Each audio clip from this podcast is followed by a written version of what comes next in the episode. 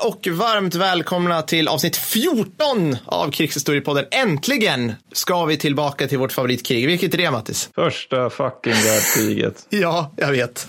Alltså det kommer bli Ja. fantastiskt. Jag, jag vet inte, i min del av sociala medievärlden så, så vill de ha mer första världskrig. Det var väl i princip det sista vi tänkte oss att folk skulle vilja ha. Ja, alltså grejen är att jag, jag minns att um, det var någon gång på vårt arbete där jag skulle sälja in en bok som handlade om svenskarna under första världskriget. Ja. Och så här, vad hade boken hetat Svenskarna under andra världskriget, då hade vi, liksom, alltså det var så här 2000 ex sålda. Ja. Nu tror jag vi landade på 21. så att det, jag vet inte, det, det, jag var också högst oberedd på det här kan jag säga. Ja, ja det, det var kul. Jag tror vi kanske har hittat vår målgrupp då, vår nisch. Ja, det så? de som gillar första världskriget. Jajamän. Och vi har haft en omröstning på Twitter och det här avsnittet släpps lite om ett tag så att vi har precis haft det. Men skitsamma, det spelar ingen roll. Ni vill ha muggar har vi märkt. För vi frågar er, vill ni ha muggar, t-shirts eller kepsar? Och precis som vi misstänkte vill ni ha muggar så man kan gå, eh, citat, sprida lite lågintensiv propaganda på jobbet. Vilket är fantastiskt att höra. så det ska ni få. Ja, alltså motivet Watford Conrad då känner jag har ju en given plats där. Det, det- Absolut. Alltså vi- bara, bara den där bilden där han ser liksom väldigt dum och självsäker ut. Ja. Den bästa kombinationen.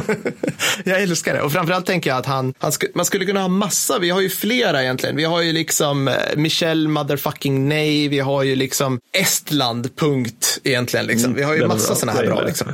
Ja, Ryssland, lol. Ja. men, ja, ja, men precis. Nej, men, Ja. men det är tidernas fullbordan så ska vi fixa det. Ja. Har du några shoutouts? Jajamän. Alltså vi får för många snart Mattis. Vi, alltså, vi, vi, det händer massa grejer. Det är fantastiskt kul. Löjtnant Fritzson, Twitterkändis, försvarsskribent med mera, alltså högdjur i det här. Han skrattade så du sprutade knock ur näsan när, när du pratade om Maus. Så det kan du ta åt dig, din jävel. Ja, det var ju roligt. Ja, han var mycket nöjd här förare och bidrog med en av sina egna bilder på det förbannade monstret till flödet. Så vad kul. Ja, var det från Kubinka pansarmuseum eller? Uh, ja, förmodligen. för att de, de har en, ett av de här två eller tre åbäckarna som de byggde där, att de har den uppställd liksom för att visa att ja, det Ja, här men gjorde de. precis. Den är i Tiger Stripes av någon outklar anledning. Just det. Sen utbröt det en pansardebatt också på vår eh, Twitter-kanal, eller vad man ska kalla det. Så där, eh, där Gammelfänkan, som är någon form av pansarnestor på hela Twitter, så han, han tyckte vi hade bra avsnitt i övrigt, men han hade åsikter om skyddet hos pantern kontra tigern. Och det här var ungefär så här, jag började läsa vad de skrev och sen backade jag sakta ur rummet. För att, jag vill bara säga så här, jag älskar er allihopa, men pansarmänniskor är ju en spännande skara. Så det är, Alltså, jag jag blev varnad av det här av, av, av folk som kan pansar att ge dig inte in på det här med stridsvagnar för pansarfolket är stridbart och nördigt. alltså- jag, jag, jag böjer mig för det. Jag, jag är verkligen inte teknikhistoriskt kunnig utan jag, jag, böjer mig för alla Ja. auktoriteter när det gäller det här. Det, grejen är att det kommer, det jag är rätt säker på att jag har fått det där, det jag påstod, alltså att tigern hade bättre skydd och beväpning från någon liksom hyfsat bra källa. Så då böjde jag mig för det. Mm, Ja. Men så, så dyker någon pansarnäster upp att nej, nej, nej, det var panter, så nu är det liksom en ny auktoritet som jag böjer mig för. Jag har, liksom, jag har ingen ryggrad när det gäller den här typen av teknikhistoria. Nej, inte jag ja, ja, absolut, ni kan det där, håller Men det var all, allmänhet, just det avsnittet där när vi snackade om Mm. crapvapen, det, det är ju lite farligt att hålla på, på med sånt. För vi, det blev ju stor glädje också över att vi lyckades blanda ihop Sten med Sterling. Och, och det är Ja. ju klantigt, men det är också att vi slant med tungan i grund och botten. Ja. Men det är just det här att när man borrar sig ner på sånt här som är väldigt tekniskt, då, då är det svårare att sitta och liksom freebasea som vi Ja. ofta gör utan att det blir liksom, man får tänka något fel. Ja, men precis. Vanligtvis så freebasar vi liksom årtal, några hundratusen förluster hit eller dit. Ja, men liksom, krig som håller på i minst tre, fyra år. Vem bryr sig? Du vet, så. Ja. Nu var vi nere liksom på så här, det här siktet satt lite till vänster. Om vi säger att det satt lite till höger, då jävlar. Alltså då, då kommer liksom vapen-reddit ner över oss liksom. Precis, så jag vill att den här podden ska bli mer så här att varje avsnitt framförallt handlar om att vi liksom förhåller oss till reaktionen och Ja, skandalen ja. från första förra avsnittet. Efter förra avsnittets haveri. Ja, precis. Nej, men det var i varje fall, det var kul att få se pansarmänniskor i vilt tillstånd sådär, i deras naturliga habitat. Ja, har du några chattat? Jag har två. Vi börjar med en som, jag höll på att säga att det är en gängse, men det låter jättetaskigt för det är jättesnälla ord. Men, men den andra, är, du, du är inte redo för den andra. Oh, ja, okej. Mm. Nej men okej, men den första är från iTunes och det här är mitt väldigt subtila sätt att, säga gå in och rate oss på iTunes är ni snälla om ni inte gjort det än. Rubriken är en av de roligaste och så fortsätter det med en av de roligaste historiepoddarna där ute. Om något så gör det nästan ännu roligare att lyssna på en och en halv eh, gångers hastighet. Men ärligt talat, sakkunniga på ämnet med roliga dramatiseringar i citationstecken av händelser. Rekommenderas rekommenderar starkt denna podd till alla historieintresserade så, så, såväl som ointresserade. Fler sjömålsrobotar på sjömålsrobotar till folket. Ja, ja, mer Lansen. Alltså, ja, Lansen-avsnittet, det, det är jag lite sugen på. Ja, det, Apropå det, tekniskt det måste vi. komplicerade. Ja, precis. Ja, just det. Om vi tyckte att pansarmänniskor var stridbara så kastar vi in en brandfackla där alla flygintresserade sitter. Det blir säkert Ja, svinbra. det, de här som blir upprörda när man säger Lansen och inte 32 Lansen. Ja, jag vet inte. viktigt det där. Menar ni A eller J? Eller vilken version? Den med sjömålsroboten. men, men ja, den, men sen har vi den andra shoutouten och den är från Instagram. Och eh, är du redo för det här Per? Alltså jag, jag skulle säga att jag sätter mig ner, det gör jag inte. Men jag sätt, ställer mig lite bredbent i studion. Sådär, nu är jag Okej, redo. Ja. För jag skulle säga att du inte är redo för Nej, det här. jag är- Men i alla fall, ja, okej. Då är det då Daniel och vi, vi anonymiserar efternamnet för det är lite ovanligt. Så vi, det är Dan, Daniel. Och han skriver, tjena, jag heter Daniel och är ett stort fan av er podd. Så till den milda grad att mitt andra barn som föddes för ett par månader sedan har kommit att få bära namnet Mattis. Nej!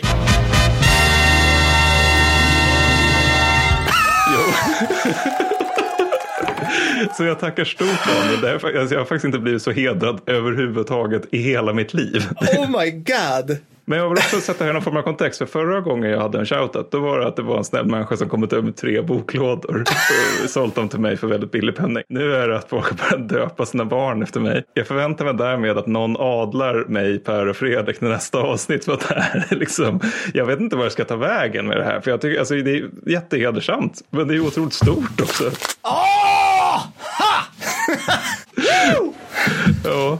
Så att, tack, tack Daniel, jättetack verkligen. Men jag, jag är fortfarande lite i chocktillstånd över det. Shit alltså. Ja, ja, oh. ja, jag vet inte om vi kan, kan vi fortsätta ett avsnitt efter det här. Alltså förväntningarna på oss är lite för stora. jag. Ja, Han, han kom också med ett antal programidéer som jag ska ta med er. Så att, men, men Ja. ja, ja eh, nej, vi kan inte fortsätta. Så att det blir ett kort avsnitt den här gången. Ja. Vi vill tacka vår sponsor. Vad var det nu minns jag inte, Tanzanias utrikesdepartement var det som skulle sponsra den här podden. Ja. Eh, bra. ja, men det var helt stort. Grymt. Tack Daniel. Och, eh, Ja.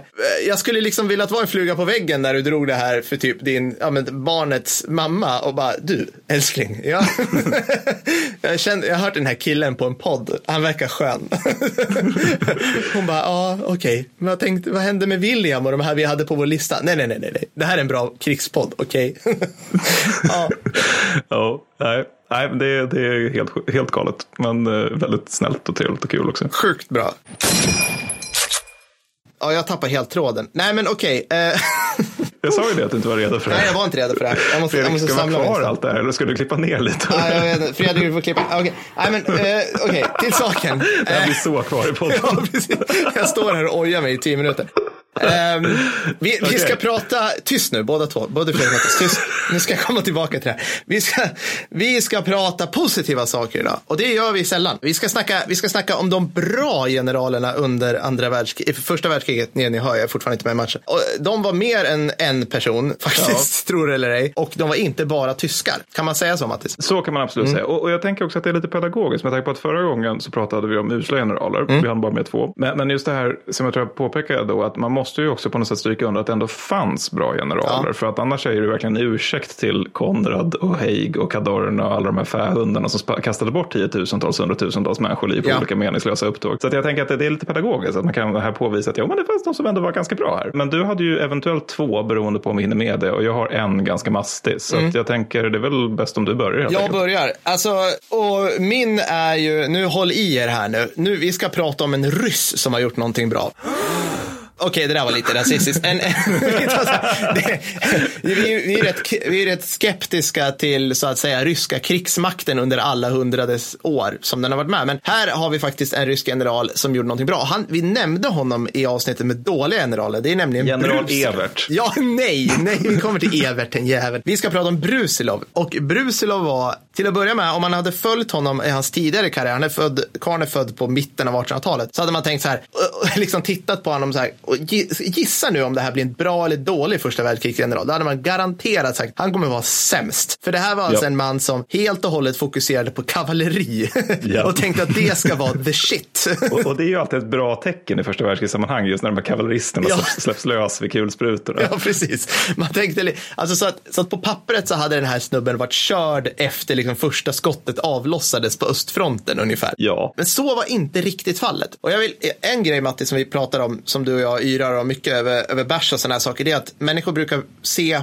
historiska personer som att de levde exakt i sin egen tid hela tiden. Som att det är ungefär som om någon skulle titta på oss om hundra år och tänka så här, okej, vad var hett 2020? Det var TikTok och typ, jag vet inte, Kardashians. Och det är det som då vi föreställer oss att Mattis och Fredrik håller på med hela tiden, sitter på. TikTok. Och det, det gör vi ju inte, helt enkelt. Så, så, sånt där är ju väldigt vanligt när man ser liksom, typ, så här, SvD har gjort någon serie från 60-talet. Att alla möblerna är från 60-talet. Exakt. Och alla, alla lyssnar på Beatles eller liknande. Ja, Bob- alla Bob bilar är från 60-talet, allt, allt är liksom exakt Man från... sparar liksom inte grejer från 40-talet Nej. eller 50-talet. Utan allting är alltid nytt. Ja, exakt.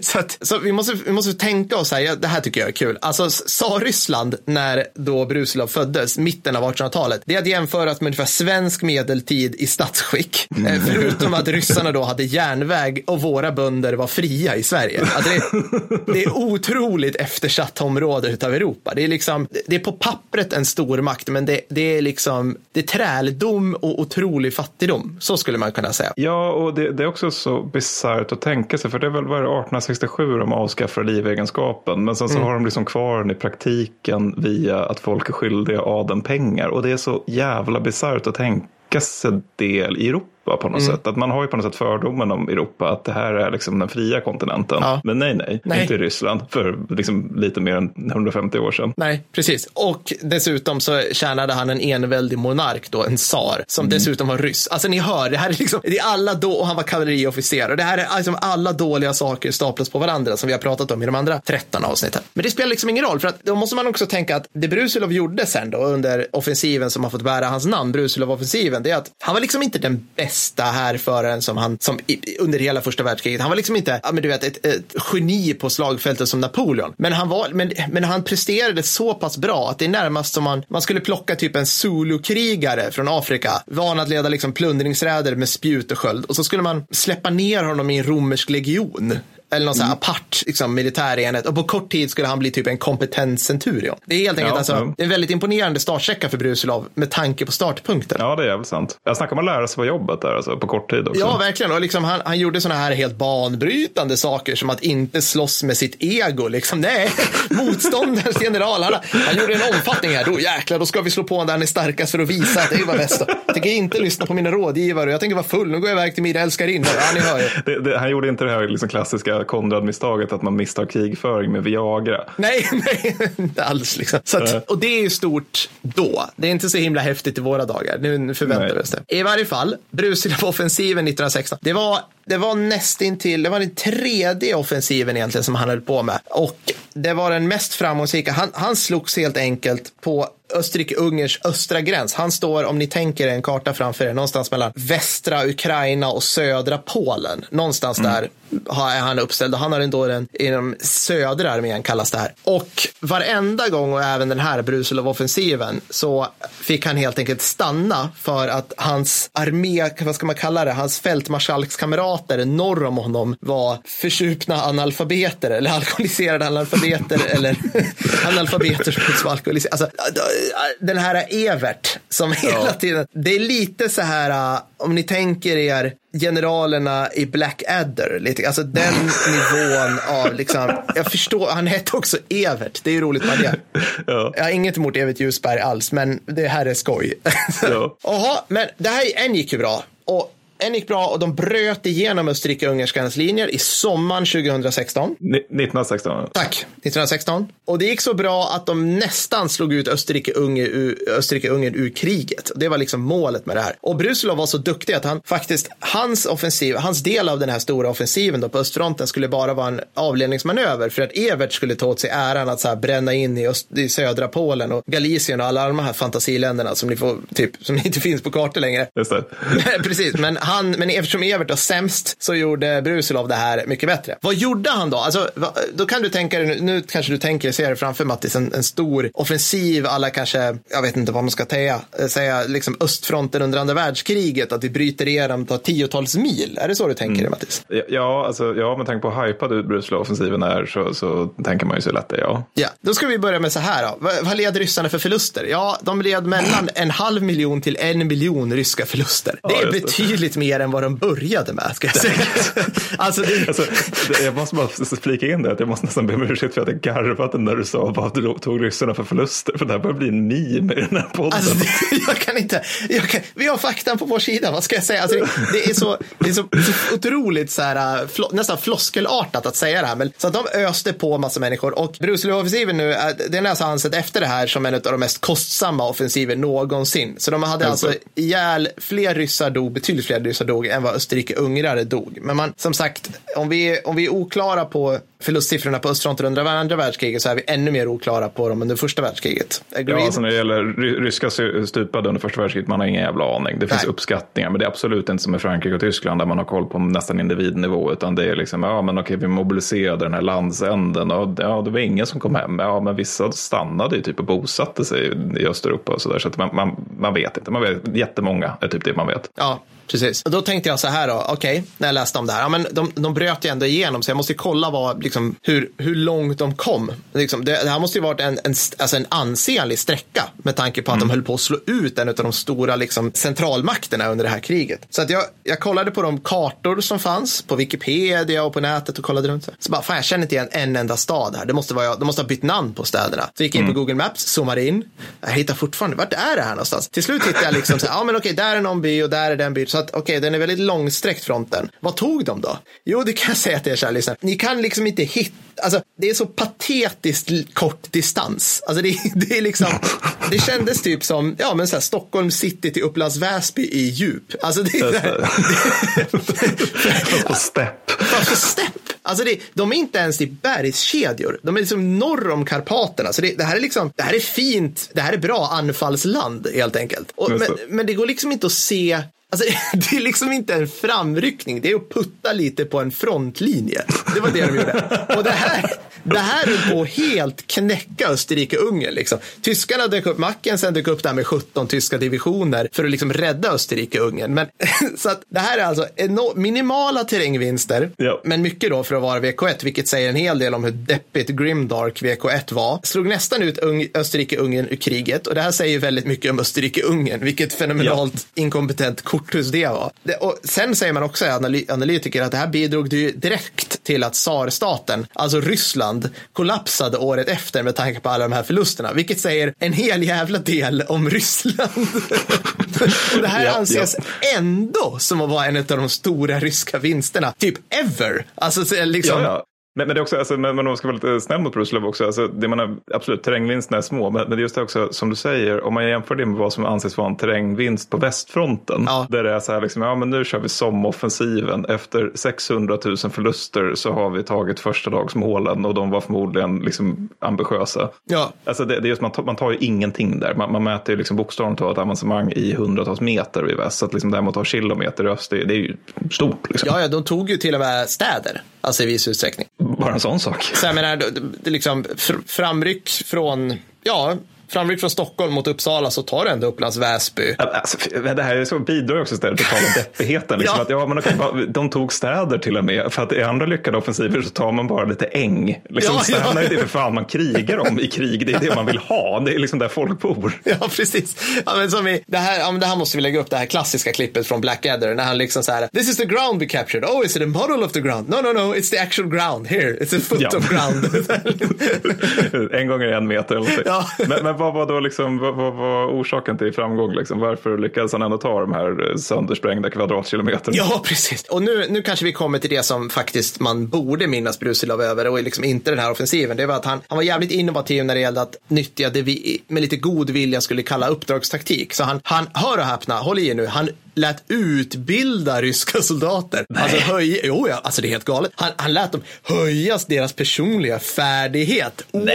What? Jo, Nej. jo, och han lät lägre officerare typ ta initiativ och du vet, ha ansvar. Alltså, men Stabka måste ju ha liksom mer eller mindre kallat honom landsförrädare för den här typen av oortodox krigskonst. Ja, ja, de, de tyckte så här, det här kan ju inte du hålla på med, men han, han gjorde det ändå. Ja. Och ja, kom väl undan med det. Så att det var ju därför det gick bra. Så att den här delen, att, att ta små enheter som kunde få agera relativt självständigt. Det, det snodde ju tyskarna rakt av och sen ja. använde de det för att skapa Stosstruppen och sådana där grejer på västfronten. Men, men vad, jag, vad jag förstått så är väl orsaken till att det blir så jävla blodigt. Det, det var det ju något tassade på, men det är väl liksom lite grann att det går ju bra för Brusilov, men, men sen så vill ju liksom de här liksom 107-åriga dementa ryska generalerna uppe mm. i norr, de vill ju också haka på. Att det, är väl, mm. det är väl mycket därför den här offensiven blir som clusterfuck i slutet. Ja, precis. Alltså det, är, det är den här underbara Evert, alltså mm. Rysslands svar på Konrad, som liksom med, med senfärdighet, fylla och inkompetens gjorde att han liksom, ja men alldeles för sent liksom puttrade igång en halvdan offensiv helt enkelt. Så att jag tror att,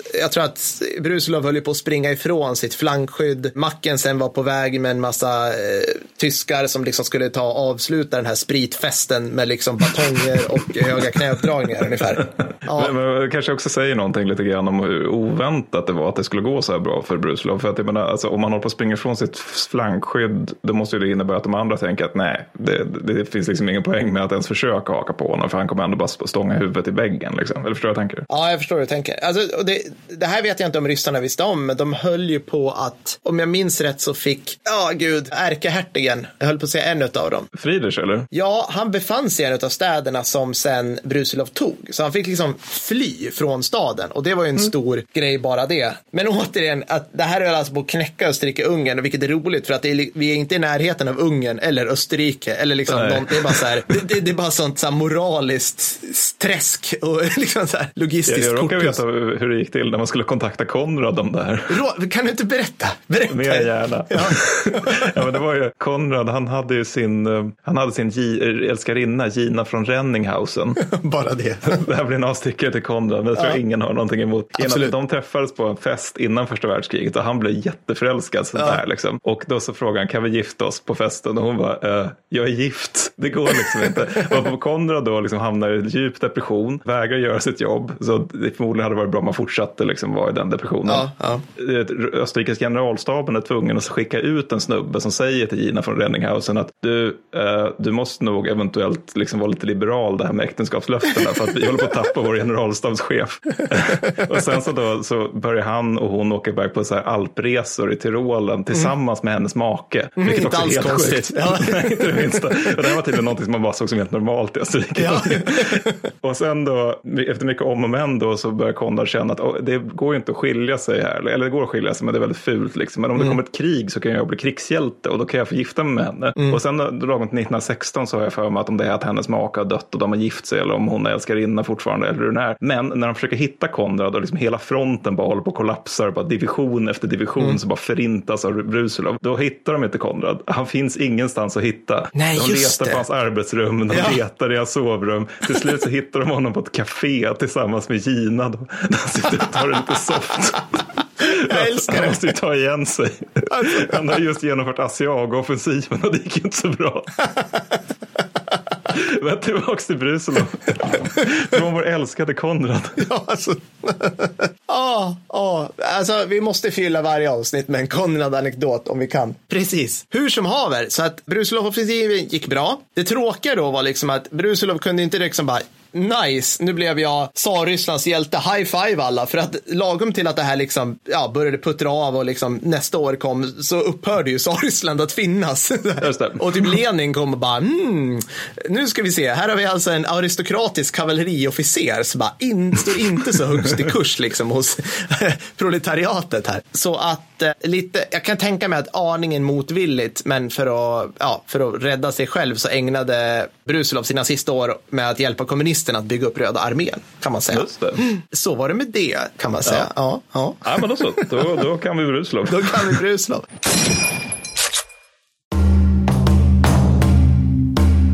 Avsnitt sponsras av Tanzanias turistdepartement som satt samman en specialexpedition bara för Krigshistoriepoddens lyssnare. Nu har du möjlighet att gå i Paul von Lettow Warbecks fotspår under hela hans framgångsrika gerillakrig. Jajamän, i erbjudandet ingår hela fyraårskampanjen där ni i expeditionen får förmånen att under naturliga förhållanden skaffa mat, vatten och uppleva eh, unika möten med det lokala djurlivet. Ni kommer få diverse kroppsupplevelser i form av tropiska sjukdomar, men jag kan lova er att det kommer bara höja den autentiska upplevelsen. Vi på podden kan intyga att det i stort sett är helt säkert. Visst har du gått expeditionen flera gånger Mattis och eh, bara drabbats av malaria samt en mindre fotamputation? Jajamän. Ja, ni hör. Ingen fara alltså. Er expertguide är ingen mindre än Paul von Lettow Wårbecks barnbarn Kjell von Lettow Wårbeck. Slå till nu så säkrar ni sommarsemestern.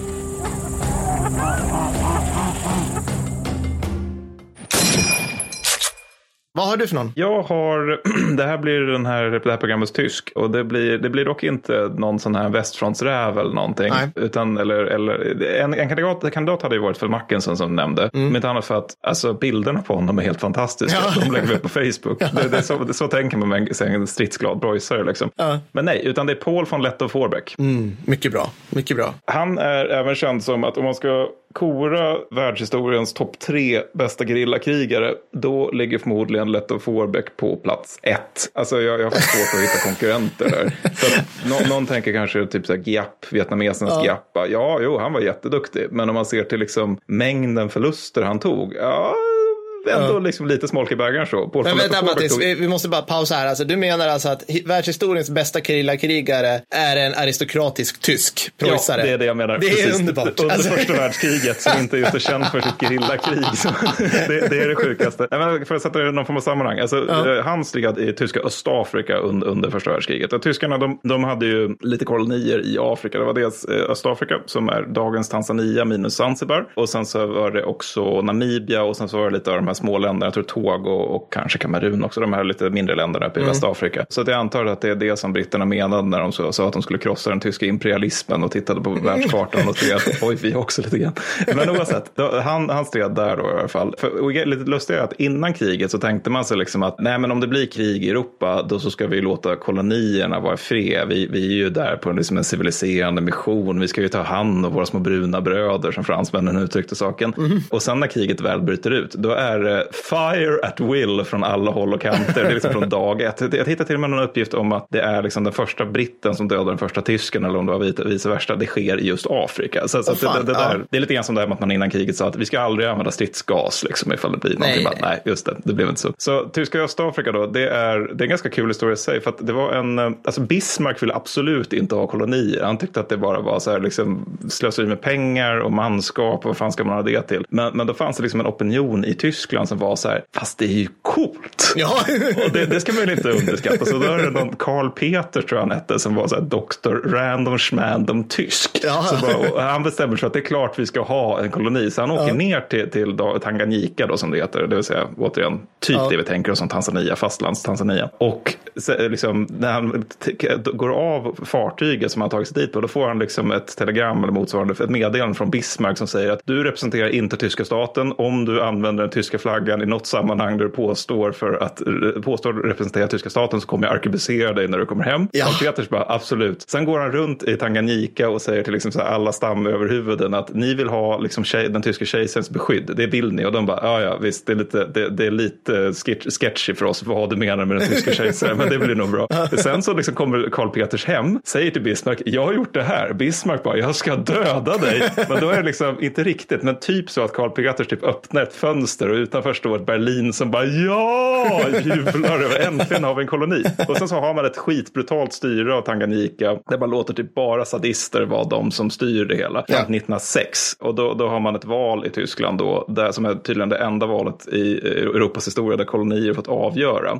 Och då är det liksom att det kommer, kommer ut så mycket skräckhistorier från Tanganyika. Att man faktiskt, de konservativa faktiskt förlorar makten i det här valet på grund av att det, alltså Tanganyika sköts, sköts så illa i grund och botten. Alltså, alltså eh, vad ska man säga, moraliskt dåligt, inte ekonomiskt dåligt. Wow. Det, Ja, nej, men alltså att ja. det, det, man hade Mai Mai-uppror som man liksom löste genom att bara massakrera alla man hittade till exempel. Mm. Så det, det, det, var, alltså det är så här, belgiska Kongo light, för belgiska Kongo är alltid värst. Mm, ja. Men, men så, så det är jättehemskt innan 1906 och sen efter 1906 så ses det som en mönsterkoloni där man bara håller på att bygga vä- järnvägar och skolor och eh, så vidare och så vidare. Och så vidare. Ja, för det är det. För jag, jag tillhör ju pöbelhögen, så jag har ju bara hört att det är bra. Ja, just det, just det. Jag har Jag en anteckning där- 1906. Jag har, en, jag har en, en anteckning här där det står kolonialism kolon dåligt. Bara jag tänkte att man kanske ska stryka under det. Din jävla södertörnare. Nej. I varje fall. Sen har vi då själva Lettorf Warburg då. Och han är en lite intressant person i sig då. För att han, det första han gjorde det var att han tjänstgjorde i Kina under boxerupproret. Och vi orkar inte gå in på vad det var för någonting. Nej. Och sen tjänstgjorde han i Namibia under Herero-folkmordet också. Apropå kolonialism dåligt. Han är lite intressant dock för att han är på något sätt en perfekt tjänsteman För att han är alltså krigisk och han är hänsynslös och det, det är ju bra om man ska hålla liksom, kolonierna på mattan. Men han är också liksom väldigt intresserad av främmande kulturer och språk. Så att han kan till exempel tala swahili eh, flytande. Och det är inte så dumt om man ska slåss i Östafrika. Så det är en preussisk adelsman som kan prata swahili. Mm. Alltså det, det kan inte bli mer liksom fantasyland av det här snart. Ja, det var, det var det, han är en lite lustig karaktär så. Och, och det är också lite roligt för att om man tittar på vad som skrevs om honom typ så här 1950-1960-tal, då, då är det ju så här, han beskrivs som typ Indiana Jones. Alltså det är bara ett enda stort romantiskt äventyr över det hela. Men sen så har det ju varit det här tråkiga, liksom att man har börjat problematisera den koloniala historien. Nej, men, att- åh, varför ska man hålla på? efter det så, och framförallt tyskarna är ju alltid väldigt, väldigt oroliga när det gäller att beskriva sina härförare i olika sammanhang. Så att Mm. man har lyckats gräva upp att han, han, eh, han var ganska ordentligt höger efter första världskriget och där tänker jag, åh fan, Ja. en preussare som var ordentligt höger, se på tusan. Ja? Men och sen hade han säkert alla andra obehagliga åsikter om både liksom andra etniciteter och eh, hudfärgad och allt Ja, möjligt. ja. Men, men det är liksom, majoriteten av de här åsikterna är tidstypiska. Alltså jag tycker de grejerna som man tar upp mot honom är lite fjantiga. För att det, är liksom, det gäller typ alla europeer på den här tiden. Återigen, han är född typ mitten av 1800-talet, ish. 1870 tror jag. Ja, så, ja. eh, ja, nej, men så det, man kanske inte ska vara jätteförvånad om han är rätt rasistisk. Men, men eh, han är i alla fall liksom ovanlig för den här tiden att han hade väldigt stor eh, respekt för sina afrikanska soldater. Vilket vi ska återkomma till, han hade afrikanska soldater. Och som sagt, ovan har liksom ganska lite med hans härförskap att göra. Men nu ska jag sluta hålla på och härja med det här då. Han var överstelöjtnant när han kom till eh, tyska Östafrika. Så han är alltså inte general, trots att den här podden handlar om de duktiga generaler. Men han blir det under kriget. Och eh, det tyskarna kan räkna med ifall det blir krig, vilket det blir i tyska Östafrika, det är inhemsk produktion av malariamedicin och till viss mån mat. Ja. Och sen så kan de också räkna med att de är tyskar, så de är duktiga på att kriga. Det har vi redan etablerat. Men det är också de två, tre grejerna. Vad kan de inte räkna med? De kan inte räkna med förstärkningar. Alls, eftersom de slåss mot britterna. Och vad är britterna kända för, Per? Någon form av så här, sjömakt skulle jag vilja påstå. Ja, precis. V- Världens största. Dominerar precis hela världen. Också det här med att om man tänker sig att Tanganyika ligger liksom här och sen så på, på kartan och så kring kartan så är det liksom bara rött av brittiska kolonier. Så att man kan ju inte göra något av landvägen heller. Något annat de inte kan räkna med det är liksom allting som behöver tillverkas utanför Östafrika. Så att typ ammunition går ju bort. Ja. Eller vapen i största allmänhet. Eller för den delen seger, det kan de inte heller räkna med. eftersom de är jätte, jättefå. Så det de lö- försöker lösa med det här, de har två lösningar, båda ganska smart, smarta. Det första är att de rekryterar lokalt till väldigt stor del. De har något som, de, som det kallas ofta för askaris, men, men det, vad jag förstår så kallar man egentligen alla svarta soldater i europeisk uniform eh, vid den här tiden för askaris, vilket jag tror betyder typ, typ krigare rätt slätt på, eller soldat på, på swahili. Ja. Men eh, på tyska så är det liksom mer rätt att kalla det skyddstrupper, men jag kommer nog växla ganska mycket mellan de två, för man kopplar ofta askaris till just de tyska Vi, vi askaris. fortsätter vår, vår härliga rutin av att liksom slakta andra språk, hoppas Ja, jag. gud, ja, just nu har vi kommit till swahilin. Ja, Lite otippat. Men, men det man gör då med de här det är att man, man rekryterar killar, kill- killar lokalt och sen så ger man dem utbildning enligt tysk standard med stram disciplin. Och fördelen med att göra så då, det är ju att de här killarna har ju lokalkännedom. Så de bor ju i Tanzania, de är, eller Tanganyika, de är uppvuxna i Tanganyika. Och det innebär att de, de förstår att flodhästar är farliga och inte liksom mysiga Disneydjur som man ska gå fram och plack, eh, klappa. De har till stor del immunitet, eller i varje fall viss, viss immunitet mot lokala farsoter. Och de vet vilka buskar som går att äta.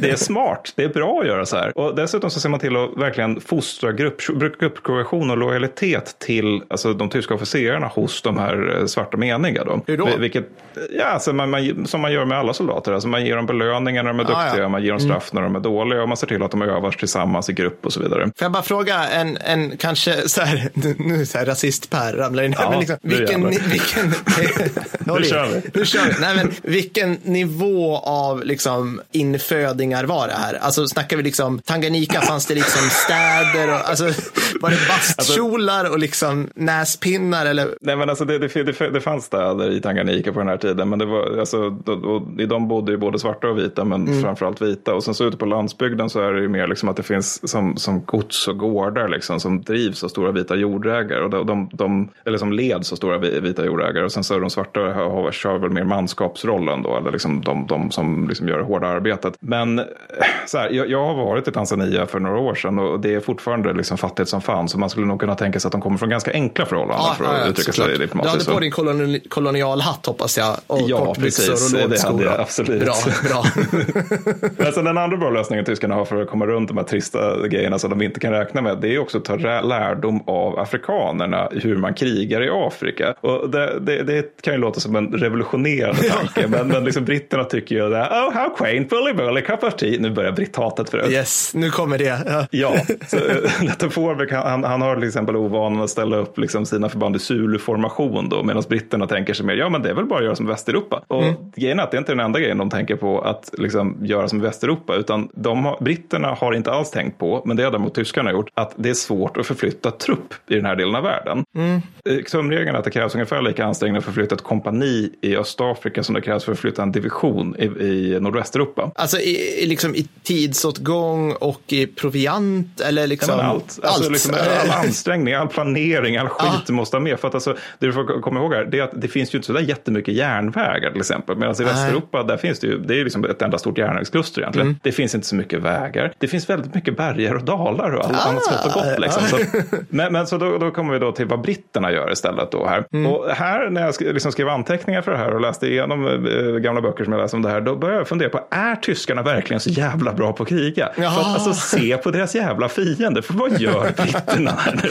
Jo, de gör det dummast tänkbara, det vill säga de tänker svarta soldater, det är mot både Gud och naturen, så fan heller. Vi ska slussa in vita från hemöarna, Rhodesia och Sydafrika, som ju då återigen saknar immunitet på lokala eh, sjukdomar, tror att flodhästar är liksom som stora hundar egentligen. Som Disney-djur som man ja. liksom. Ja. ja, men exakt så. Och som också liksom, ja, nej men inte, inte fattar att alla buskar kan man liksom, man kan inte bara plocka upp något från marken och äta det och hoppas nej. på att det ska fungera bra. Sen när det inte funkar så bestämmer man sig för att man ska slussa in en massa stackars jävla indier för att citat, de är vana vid tropikerna, slutcitat. Vad nu det innebär. För att menar, det är liksom en, ja, ja, skitsamma. Och sen när allt ovan dött av farsoter och svält, då, då där någonstans börjar man rekrytera egna svarta soldater. Alltså man, man har, man, britterna har nämligen också en form av askaris, de heter Kings African Rifles och de har utmärkt stridsvärde. Men det man ser till att göra där, det är att man liksom inte bara, vi expanderar det här så mycket vi bara kan. Vi tar folk från, alltså de har ju jättemånga kolonier i Afrika. Ja, ja. Det är liksom bara ta allt så. Nej, nej, nej, nej, utan man ser till att det är typ så här 2 500 man eller någonting som, som får vara de som har bra stridsvärde och resten är liksom folk som bara dör av sjukdomar hela tiden.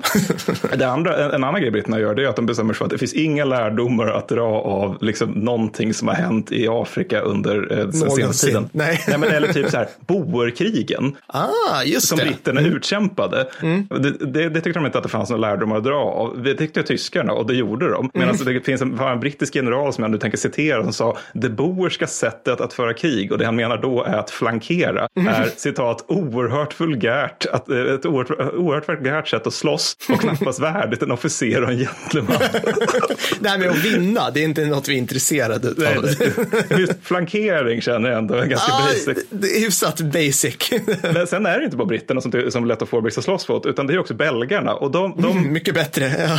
ja, men eller? Och de, de, har ju då det här med att Belgien är ju, liksom, de är ju uppe i Europa, de har inte heller så mycket möjlighet att skicka ner folk, men de har i sitt Mordor-liknande terrorvälde som kallas för Belgiska Kongo, mm. så har de något som kallas för Force Public. Och det är typ så här polis slash militärpolis slash folkmördare. Mm, mm. Så man tänker att vi tar dem och sen så ge, letar vi reda på några riktigt krigiska kannibalstammar som vi inte ger så mycket utbildning, men däremot kulsprutor. Och så tycker vi att det är hashtag skön idé mm. att skicka de här österut mot ja. Östafrika. Och sen så blir belgarna, liksom, de blir så jävla upprörda när den jävla PK-omvärlden blir arg över att det bara är så här stort stråk av brinnande byar där den belgiska armén har gått.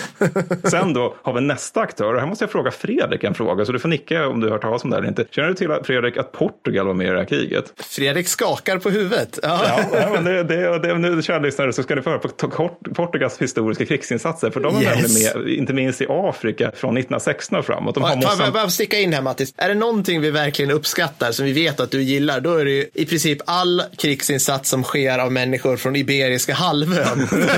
vi känner mycket väl till ditt stora, ditt stora hjärta som brinner för Spanien och Portugal. Just det. Just det.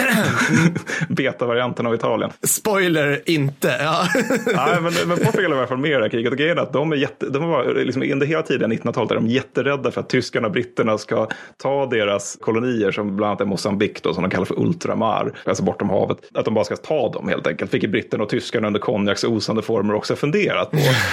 Men sen då när kriget väl bryter ut och de är på olika sidor, då andas portugiserna ut och tycker att nu kan vi ta vår illa skötta koloni och sen så kan vi vara nöjda med det. Men sen så fram, från 1916 så går de med i kriget i alla fall mot tyskarna. Och det de gör då det är att de skickar ner tiotusentals eh, soldater till portugisiska Mosambik och där är egentligen bara huvudstaden som de har kontroll över. Resten liksom är bara så här, olika så här, riktigt jävla blodtörstiga privatföretag som, som uh, styr och sen så olika så här, insurgenter och skit. Och de här tiotusentals mannen då, de får order att citat hålla sig redo. Sen glömmer portugiserna helt bort dem. Lissabon förfaller i politiskt kaos och sen när man har kommit upp ur det här politiska kaoset en ny regim, då kommer man ihåg dem igen och inser att 90 procent av de man har skickat ner, de är nu så sjuka att de inte går att använda som soldater och nätt och jämt kan försvara sig mot en allt ettrigare lokalbefolkning.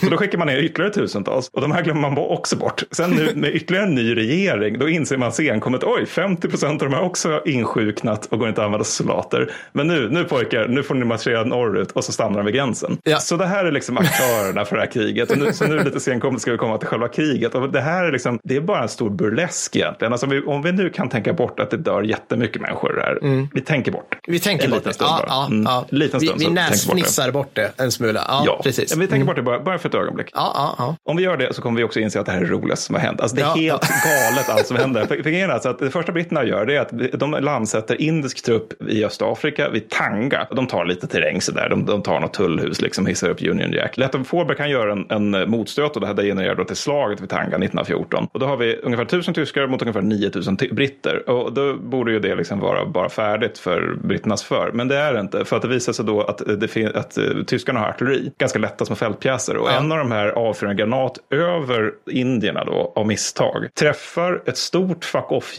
getingbo. alltså som du uttryckte saken, det är ju afrikanska getingar så de är ju stora som en jävla Toyota. De faller rakt ner ibland de här stackars indiska soldaterna som då flyr bakåt i panik och enligt ett vittnesmål så utbryter citat ett andra kana. Den brittiska landstigningsstyrkan förvintas då. Passande nog har det också kallas för The Battle of the Bees. Och tyskarna tackar och tar emot sig väldigt mycket för mat, vapen, ammunition allt sånt där som de liksom inte kunde räkna med att få. Men nu har de ju det tack vare de snälla britterna. Miljontals patroner bland annat. Och det här kriget då, det blir väldigt snabbt ett grillakrig. För grejen är att Letton Forbeck, han tänker sig i början av det hela att ja, men jag är preussare, jag har läst Clausewitz, klart det kommer vara liksom ett avgörande slag. Så, mm, för det är det mm. vi alltid eftersträvar i tysk krigskonst. Men sen rätt snabbt förstår han att det är nog smartare att inte leta efter det utan bara försöka binda upp så många britter han bara kan. Och det här, det lyckas han utmärkt med. Han får deras uppmärksamhet genom att hela tiden hålla på att raida in i Angola till exempel. Liksom mm. bara skicka in och ut något kompani som bara, här är vi, vi sprängde en järnväg, kom och ta oss. Vilket är ett brittiskt koloni Angola, eller? Ja, ja. ja. Mm. Och britternas reaktion på det är alltid liksom, ah, bully bully, cup of tea, anfalla. Så att totalis det, lyckas hitta, hitta, få det till att det var ungefär en kvarts miljon brittiska soldater av olika nationaliteter då, som, som tjänstgör i Östafrika under kriget. Mm. Och alltså, det är ju en, en tiondel så många tyskar som tjänstgör i Östafrika och det är ytterligt få som är från Tyskland. Majoriteten är lokalt rekryterade. Mm. Så att den här idén med att binda upp mycket brittiska soldater, det lyckas han alldeles utmärkt med. och grejen är att Letto Fåberg, han, under största delen av kriget så nöjer han sig egentligen med att hålla sig undan, liksom, där, liksom, hålla där det går, men retirera där han måste och genomföra eldöverfall så ofta han kan. Så att det är så typiskt grillakrig egentligen. Bara mm. vara där de inte är, slå där de är svaga. Och de lyckas också med så här ganska sjuka grejer som att, jag minns nu inte vad det hette det här fartyget, men det är något tyskt örlogsfartyg som går på grund eller liksom strandsats snarare på östafrikanska kusten. Och det de gör då det är att Letta Fåberg och pojkarna helt enkelt bärgar fartygets artilleripjäser. Mm. Var bra, nu har vi tungt artilleri också i det här lilla kriget. och sen så vid något annat tillfälle, jag tror det är 1916-17, då får, får de hemma i Tyskland för sig att äh, men nu har de varit krigat på här i flera år. Vi kan ju liksom inte låta dem vara där själva, så skickar de iväg zeppelinare. Från Tyskland till Tanzania. Ja. Oh,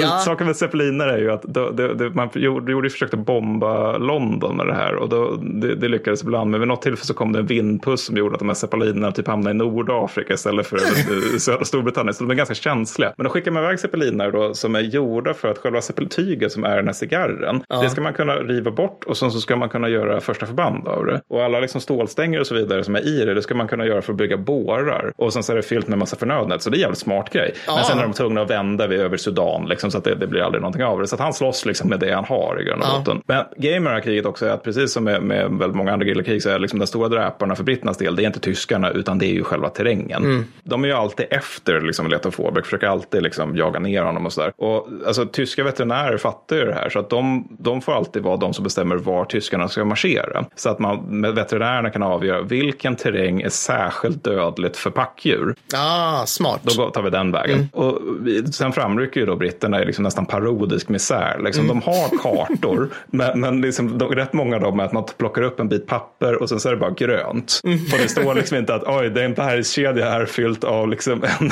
en flod som är lika bred som London. Det, det, det liksom finns ingen information om det. Och allt det här sker i 40 grader värme och luftfuktighet som är liksom som en miljöpartistisk partikonkurrens, det, konferens, det vill säga alltså som ett växthus ungefär. Och sen finns det naturligtvis alla sjukdomar i världen, bara vissa är liksom nya och fräscha för britterna, så de har aldrig stött på den här farsoten tidigare. modernt. Ja. Ja, men nu, oj då, jag fick ju så tredje öga. Ja. Sen har jag också det att de får, har ju malaria i hela ögonen, bland annat då för att brittiska soldater tycker att malariamedicin är äcklig att dricka, vilket jag alltid har tyckt är en, här, ett här, en härlig ursäkt. Sen är det nästa grej också, det är alla satans djur. Då. Alltså myggen är det som dödar flest naturligtvis, eftersom de bär på alla sjukdomarna. Men sen flodhästarna dödar ju massor med brittiska soldater, bufflar en hel del. Och sen varje natt så är det något lejon som dyker upp och är lite sugen på liksom, midnight snack. Sådär. Så för varje britt som tyskarna lyckas skjuta så är det omkring sex som dödas och skadas av allt ovan. Och det här passar ju lätt att Forbeck bra också, för att återigen, han har ju inte manskap för att kunna liksom, faktiskt bekämpa dem på allvar i öppen strid. Så det är ju mycket bättre att låta- Moder Jord göra saken. Och det lite sjuka med det här det är också att det är lite av ett gentlemannakrig, så länge man är vit. ja, där kommer vi tillbaka till det. Vi får inte glömma att vi ändå utkämpar det här i kolonierna. Mycket bra. Mm. Ja, nej, men alltså, att man tänkte sig innan första världskriget att det skulle vara ett ganska ridderligt krig. Liksom man, det, man skulle, det skulle vara kort, man rider ut där, man möter andra adliga kavalleriofficerare i ädelkamp, man kommer hem efter några veckor med ett mensurarv och lite schyssta medaljer. Brusilov dagdrömmer med andra ord. Ja, precis. Ja, precis. Konrad försöker realisera. Ja. Men, men, men så blev det ju aldrig i Västeuropa. Men alltså, i Östafrika ändå liksom lite åt det hållet. Så. Alltså, det, det finns i alla fall drag av det. För att det är väldigt, väldigt få krigsbrott. Det, det är någon så här tysk skyddstruppen-officer som, som sköt krigsfångar. Men, men det är också liksom verkligen en anomali. Så. Och i Leto Forbeck beskriver i sina oerhört roliga memoarer, som jag, jag tror han ljuger om hälften, men, men alltså, jag uppmanar alla att läsa dem för det är så jävla kul läsning. För att det vi måste komma ihåg är återigen att han beskriver ett krig. Men ur, i, som han beskriver saken så är det bara en mycket lång promenad som han gör med sina vänner. Och ibland träffar han sina andra vänner och de skjuter han, för det är britterna. Och sen liksom när man har besegrat britterna, då, ja, då får man, sitter man med de överlevande officerarna, dricker lite GT på olika verandor och sen så lite så här lätt salongsberusad så tvingar man krigsfångarna att svära att aldrig mer strida mot Tyskland.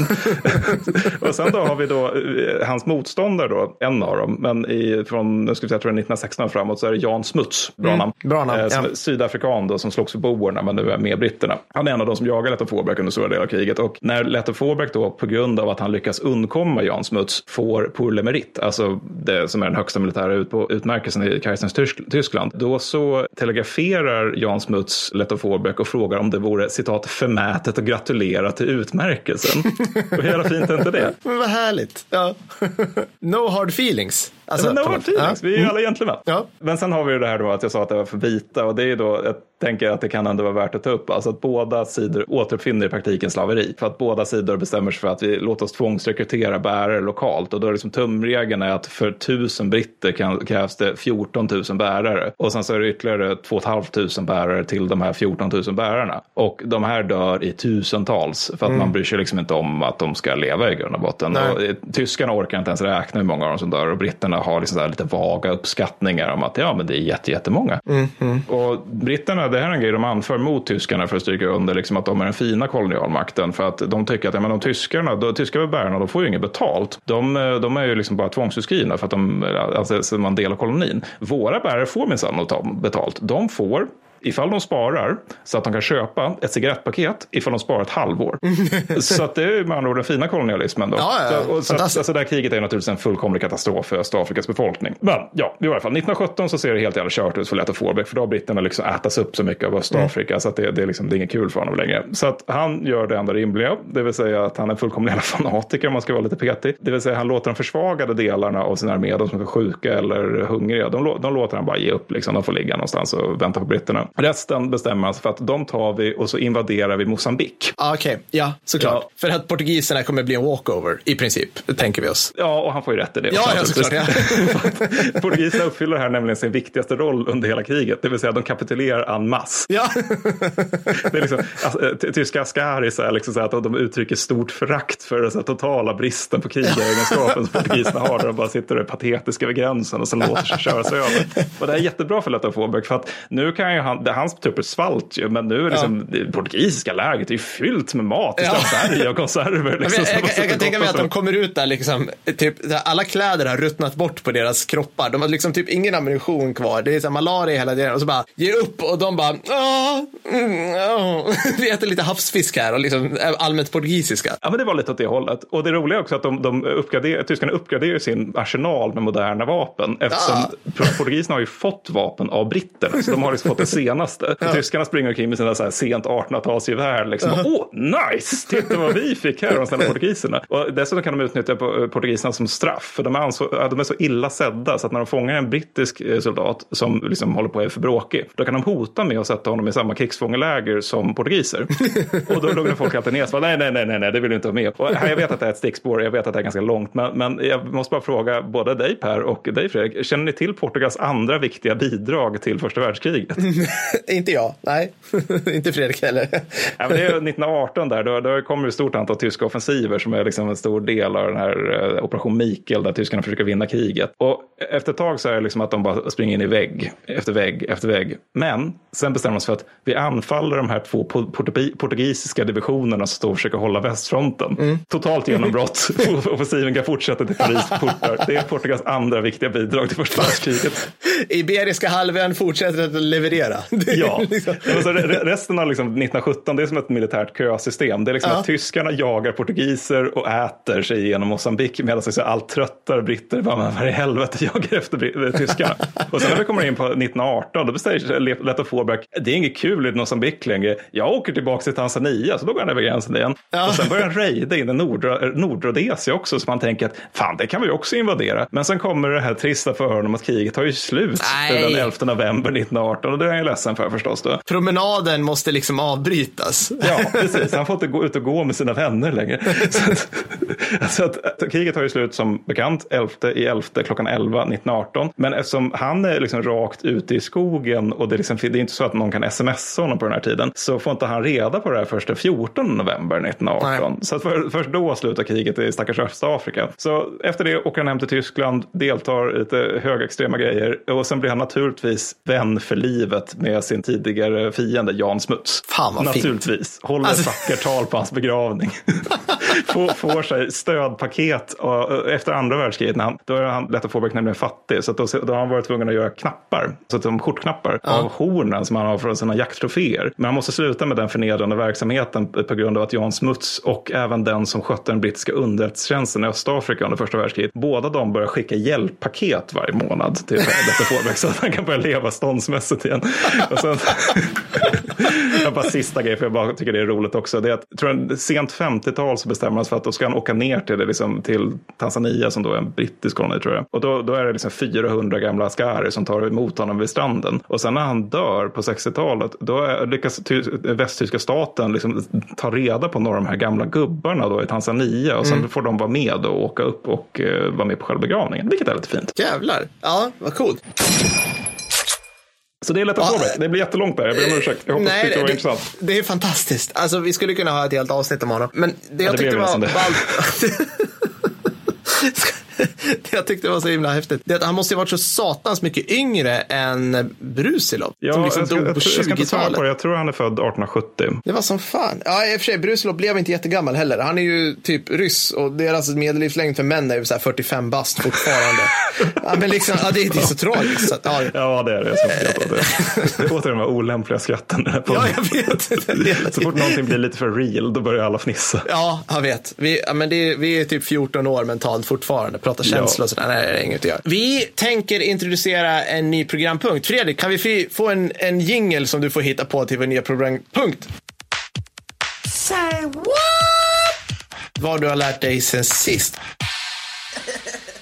Ja, tack. Och den heter helt enkelt vad du har lärt dig sen sist. Och vi tänker här Mattis att vi, vi kör, trycker in de här. Vi får typ max 30 sekunder på oss och bara droppa någonting som vi tycker är lite mumsigt som vi vill att lyssnarna ska få höra som inte riktigt hänger ihop med övriga avsnittet. Ska vi säga så? Ja, men också som jag tänker att man inte kan göra ett helt avsnitt om. Ja, exakt. Bra. Vill du börja? Ska jag, eller jag tar det. Får jag ta det? Börjar du? Alltså, vi har inte pratat om Frankrike på flera avsnitt, så jag, det kryper hela kroppen på mig. Jag måste få ur mig det här. Mattis, vilket är det ballaste specialförbandet i världen just nu? Uh, om jag ska utgå från... från, eh, från Mr liksom... YouTube och general... Nej, men populärkulturen, då är det väl Navy Seals helt enkelt. Ja, och du har så fel. Alltså, det är klart jag Ja, såklart. Nu ska jag berätta för dig här. I Frankrike, alltså Navy det finns ju liksom den här eh, SF-varianten och alla, de, de flesta NATO-länder har ju liksom en slags eh, basnivå, låter fel, men de har väldigt hög nivå med specialförband där de har sina operatörer och du har ju liksom Navy Seals och du har Green Berets och du har SAS och sådana här grejer. Och de, vissa är lite bättre än andra och sådana här grejer. Men de, alla de här flesta är ju liksom, som man säger, att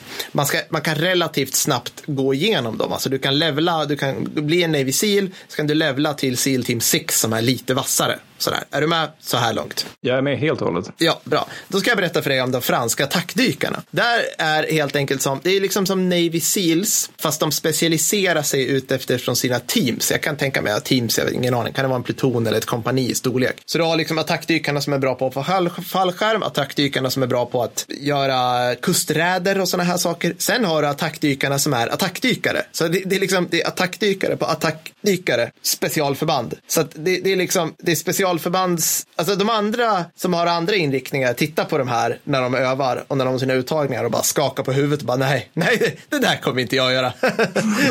jag må vara tränad som en elitidrottsman och, bott, och jobbat med som specialförbandsoperatör i många år som helst, men jag tänker inte göra det. Och då, då funderar jag på, men vad, vad, är det som är, vad är grejen med de här då? Jo, det är för att du måste ha tjänstgjort i minst sju år innan du ens får, alltså som sån attackdykare, specialförbandsoperatör, innan ens du får söka till attackdykarnas attackdykare som heter såklart, because Frankrike, Commando Hubert.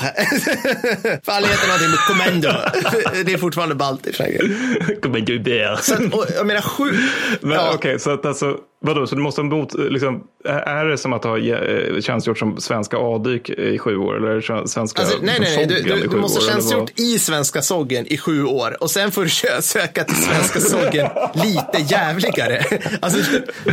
men, men, här måste vi, det, det här måste ju bero på att fransmän gjorde det här för att de tyckte att det såg coolt ut. Det kan nej, men inte alltså, vara. Sju alltså... år, alltså det är liksom ett hel, är, alltså, du har inga, du har ingen ligament kvar, du har så PTSD som sprutar ur öronen, du har, liksom, du har ingen familj familj kvar efter sju år. Alltså det är, sju år, det är, liksom, det är ett helt yrkesliv som specialfansoperatör med det tempot de har i övrigt. Liksom. Jag, jag, tror jag i år har jobbat yrkesverksamt. Ja, ja precis. Alltså, alltså det, var bara fanta- det var fantastiskt när jag stamblade över det här och jag tycker det är så, här, det är så härligt att få prata lite fransmän. Because Fran- Frankrike liksom. Ja, ja, ja. de gör alltid allting bättre. okay, men jag, jag, hade också en grej här som jag hade lärt mig. Det var, jag nämnde ju det här avsnitt 12 med elefant och uh, det här ja. liksom one-off-grejen som de byggde. Stort jävla monster på Porsches Tiger-chassis som man spikade på en 88 och jättemycket pansar frontalt. Bara hittade en grej i en bok här som jag fick det skickat för, till mig i en bok som handlade om vilka avstånd de kunde slå ut saker, yeah. just här Ferdinand-vagnarna. Och jag ska inte dra igenom allihopa, men på, mot en T3485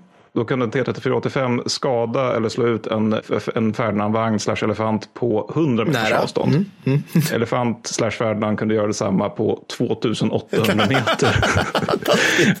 Vad taskigt. Ja, det är jättetaskigt. För 100 meter, det är som att slåss i en telefonkiosk i stridsvagnar. Sen har vi då JS 122 som jag har förstått var liksom tänkt för att döda pansar. Den, om den mötte en Ferdinand slash elefant, då kunde den förinta den här saken på 500 meters avstånd. Ferdinand kunde göra detsamma på 2300 meters avstånd. Sen har vi det här olyckliga då, om de bestämmer sig för att möta brittiska vagnar.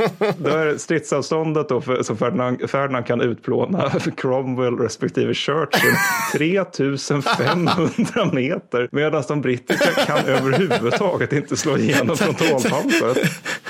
Faktum är att det, alltså, det kan göra precis samma grej med Sherman men på 3000 avstånd, meters avstånd. Men om Sherman-vagnen har en 7,6 mm 7,6 cm kanon, då kan den faktiskt slå igenom Ferdinands frontalpansar på 100 meters avstånd. Du, äh, men jag, ja. mot våra ädla britter Men också, de byggde Ja. 91 av den här grejen, men det är fortfarande så här, rätt bra return of investment tycker Det är så ändå. taskigt. Det är liksom så här, de kan lobba in de här granaterna på liksom längsta tänkbara avstånd och ändå slå ut Crawlers. Ja. och så, så förbannat. Ja, ja, och den andra kan liksom, ja, men vi, vi kan lika gärna beskjuta den med kulsprutan, för det har samma effekt på det här frontalplanet här, på 200 millimeter. Ja, vad underbart. Ja, nej, men så det var det. Coolt. Vad ska vi snacka om nästa gång? Vad i helsike ska vi snacka om nästa gång? Jo, nej, men då, det var för en gångs skull ingenting som någon har bett om, utan då ska vi snacka om specialförbandsextremer. Ja! Yes! Då kanske vi kommer nämna lite fler fransmän. Vi får se. Ja, men ni kommer i alla fall få höra om Delta Force och rwandiska armén. Återigen. Fenomenal kombo som utlovar mycket näsfnissande där också. Gud ja. Ja, men skitbra. Vi hörs då. Ja, det gör vi. Bra. Ha det gott för fan. Ja, du med. Hej då. Hej då.